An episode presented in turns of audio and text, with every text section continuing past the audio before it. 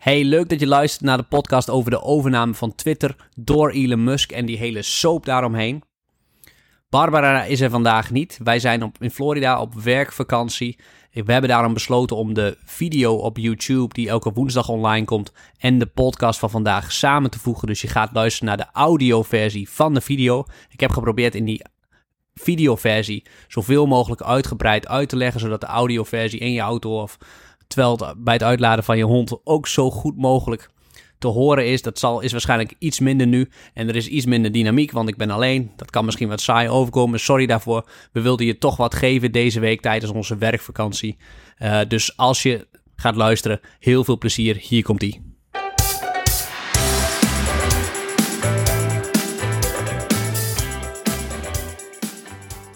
Ja, welkom. Leuk dat je kijkt of luistert. En dit keer over de overname, potentiële overname van Twitter door Elon Musk. Het is natuurlijk echt een soap. Het heeft weinig met beleggen te maken.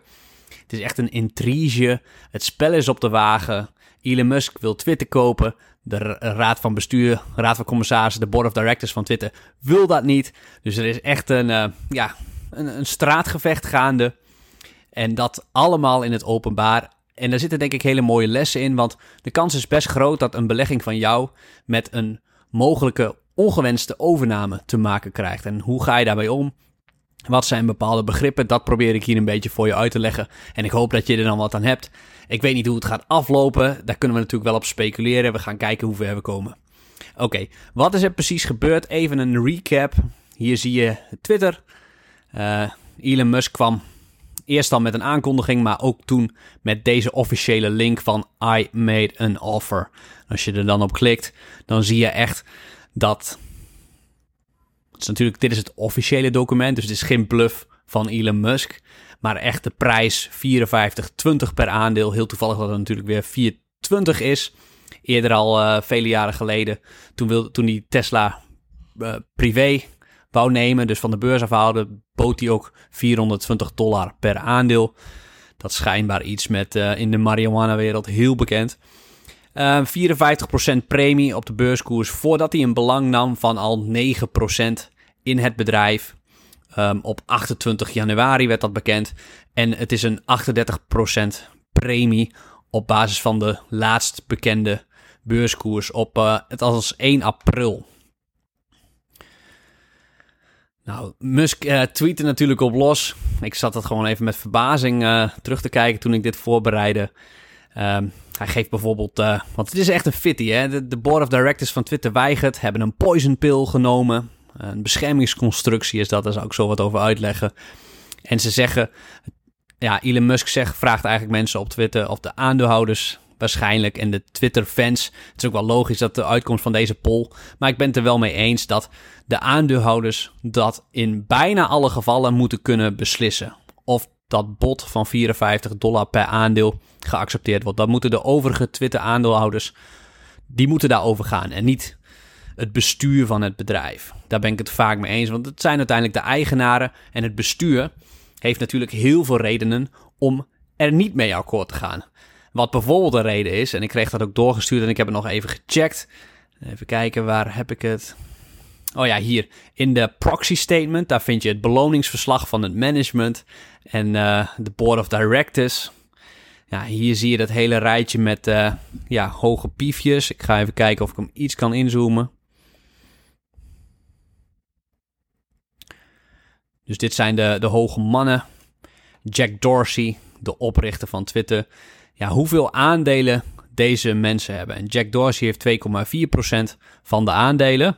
Echt veruit de meeste, hè? 18 miljoen stuks. En hier zit er nog eentje met een miljoen. Maar dat is veruit de maximum. De rest heeft niet zoveel.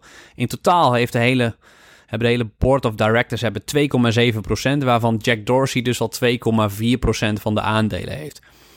Dus 0,3% van alle uitstaande aandelen voor de rest. Ja, dat is niet echt veel. Dat is niet echt skin in the game. Dus het is wel logisch dat deze hele board of directors die overname als ongewenst ziet.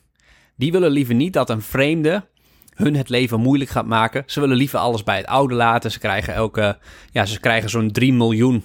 Alleen al de raad van commissarissen aan um, ja, beloningen per jaar in totaal. En uh, ja, die kunnen waarschijnlijk vrezen voor hun banen als Elon Musk uh, hierin slaagt. Want dat heeft hij ook wel aangekondigd, dat hij, uh, dat hij daar flink uh, in gaat snijden. Ook in het hele personeelsbestand trouwens. Een aantal maatregelen heeft hij aangekondigd wat hij wel wil gaan zien veranderen bij Twitter. Maar het is wel heel logisch dat zo'n board of directors zo'n bot dus niet ziet. Alleen al vanuit eigen portemonnee gedacht van deze mensen. Want ze hebben heel weinig aandelen. Als ze heel veel aandelen hadden, hadden ze misschien wel geluisterd of gezegd: Hey Musk, kom eens praten. Nou, nou is deze dus heel vijandig. Musk doet eigenlijk een openbaar bod. Dat is best wel. Ja, het komt wel eens voor, maar meestal is het zo dat het zo gaat van Musk of degene die wil kopen, die gaat naar het bedrijf toe, naar de raad van bestuur. En die zegt: hey, ik wil ehm, een deal maken. En dan gaan ze overleggen. En als ze dan tot een deal kunnen komen, komen ze samen naar buiten. Van hey, we hebben een deal. En dat is een vriendelijke overname. Dit is vijandig. Hij gaat dus eigenlijk rechtstreeks naar de aandeelhouders. Nou, de reactie van uh, Twitter. Die eerst al de bevestiging gaven van een unsolicited, dus ongewenst voorstel van Elon Musk. Eerst van we gaan ons erop beraden, maar dan al vrij snel geven ze een limited duration shareholder rights plan of in gewone simpele vaktaal een poison pill of een gifpil. En wat dat eigenlijk wil zeggen is, ja, ze kopen eigenlijk tijd, want dat is het, want de, de poison pill loopt een jaar, om jezelf te beschermen, het bedrijf te veranderen.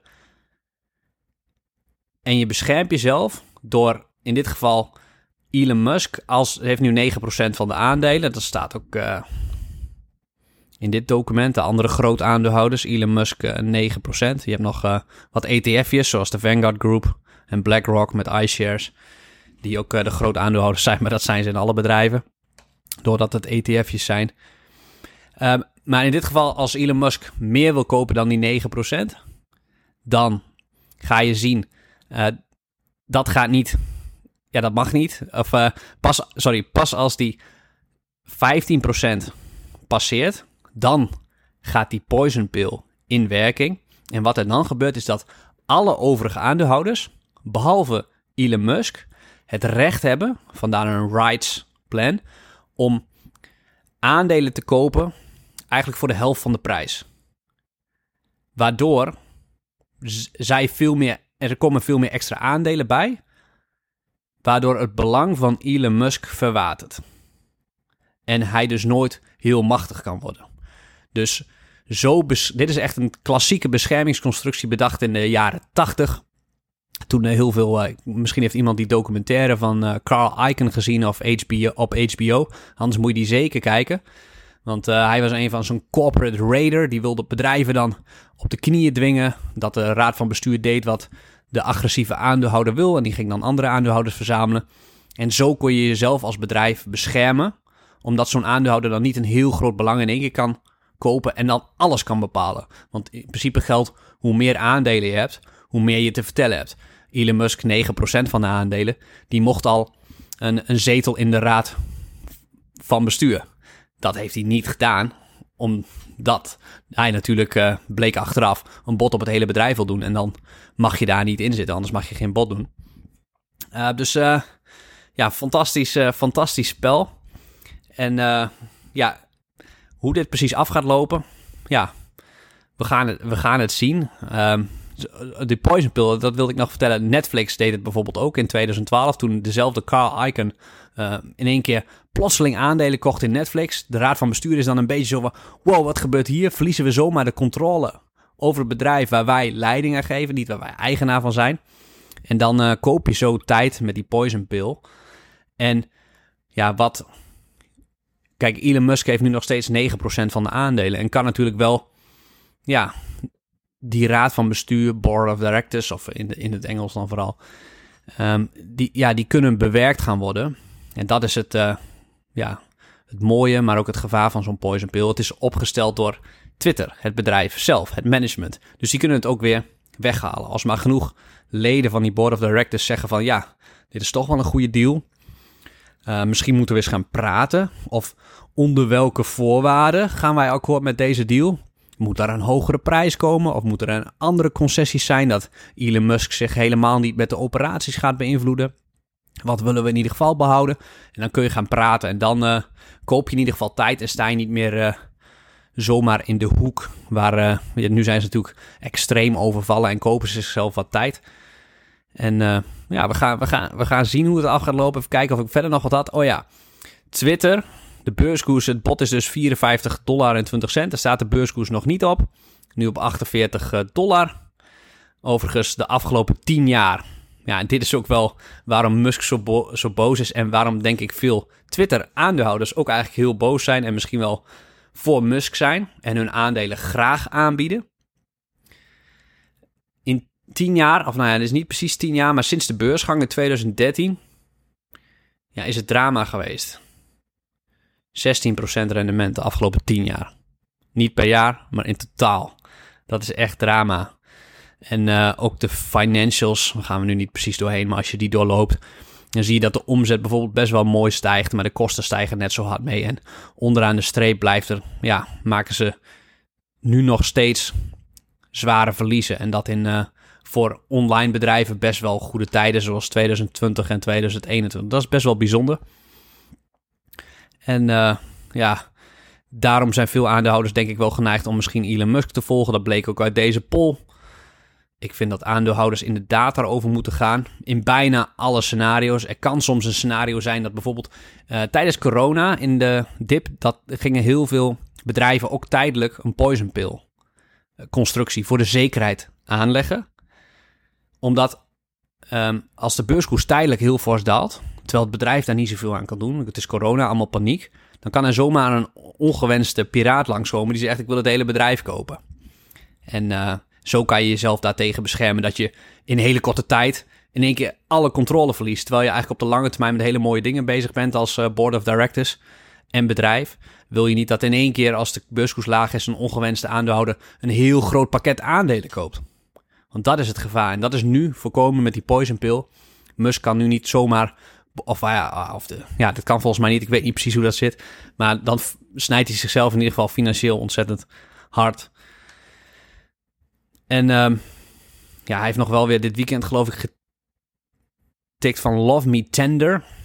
Dat hij een uh, soort counteraanval wil gaan doen door, door te tenderen. Dat betekent eigenlijk, hij gaat aandelen kopen rechtstreeks van uh, aandeelhouders. Dus hij slaat de raad van bestuur over. Het is echt even prikkelen. Een nummer van Elvis Presley natuurlijk. Hoe dit precies gaat, uh, gaat uitpakken. Ja, dat weet ik niet. Het is wel heel interessant natuurlijk. Uh, er zijn ook geruchten dat hij uh, gaat samenwerken met private equity. En uh, ja, dat, dat er een hoge bod komt. Soms is dat ook een beetje het spel hè, om zo'n poison pill te nemen. Je wil nadenken over een hoge bod. Misschien gaat dat komen. Elon Musk moet het bod natuurlijk ook nog financieren. Want je zag hier misschien, als je mega snel bent, de marktkapitalisatie is 34 miljard. Dus uh, daar moet nog heel wat meer betaald worden. Dat kan hij betalen als hij die Tesla-aandelen voor een klein deel verkoopt. Maar ja, als je die gaat dumpen op de markt, dat is niet heel handig. Dus dan wil je waarschijnlijk via onderpand kan je best wel wat lenen. Maar misschien is het handig als er wat extra private equity partijen binnenkomen. Volgens mij zag ik dat ook een headline langs van Apollo Global. Een private equity firm die dan mee gaat bieden. Nou is private equity niet echt een logische eigenaar voor zo'n publiek bedrijf als Twitter. Want private equity is meer voor bedrijven iets meer in de schaduw. Eigenlijk, eigenlijk vind ik dat zo'n Twitter op de beurs hoort. Maar goed, uh, dat vindt uh, Elon Musk misschien ook. Hij wil zoveel mogelijk aandeelhouders meenemen privé. Maar ja, vaak is dat heel lastig te regelen. Dus uh, we gaan helemaal zien hoe, die, hoe dit gaat uitpakken. Ik ben ontzettend benieuwd. Het is echt een hele vette soap. En um, ja, wat je er als belegger mee moet, aandeelhouder in Twitter, weet ik niet. Ik heb geen verstand van Twitter. Eh, ik zou er niet in beleggen, ook vanwege bijvoorbeeld deze 10-jaarsgrafiek. Uh, het bedrijf heeft gewoon erg veel problemen om er een verdienmodel aan te bouwen. Musk heeft daar ideeën over, bijvoorbeeld een, uh, een lidmaatschap. Dat je gewoon een beetje betaalt om uh, lid te mogen worden en dan geen advertenties meer. En op die manier het platform gezond krijgen en ook uh, privacy en dergelijke. Maar het is, het is een puzzel en ja, ik blijf bij zulke bedrijven weg. Um, het bod is dus een stukje hoger dan die 48 euro. dollar. Ja, dat, bij elk bedrijf waar een bod op komt, zie je wat verschillend. Soms zie je zelfs dat de beurskoers hoger dan het bod gaat, omdat ze dus verwachten dat er een hoger bod komt. Heel vaak is het eerste bod niet het finale bod. Dat, uh, dat ligt eraan per bedrijf. Soms komen ze er gelijk samen uit en is het een deal. Maar bijvoorbeeld in Nederland bij Hunter Douglas zag je dat er nog uh, twee keer een hoger bod komt. Om, uh, ja, om, het is ook een beetje een politiek spel. Dat, dat maakt het fantastisch. Hier bij deze, in ieder geval, hoop ik je een inkijkje te ge gegeven hebben in deze soap. Wat minder informatief deze keer, maar ja, wel heel intrigerend wat er, wat er allemaal op de beurs gebeurt. En uh, hoe Elon Musk zich op massaschaal en heel onconventioneel door in het publiek eigenlijk een bot te doen in het openbaar. Heel fascinerend. En we blijven het volgen. Dankjewel voor het kijken of voor het luisteren.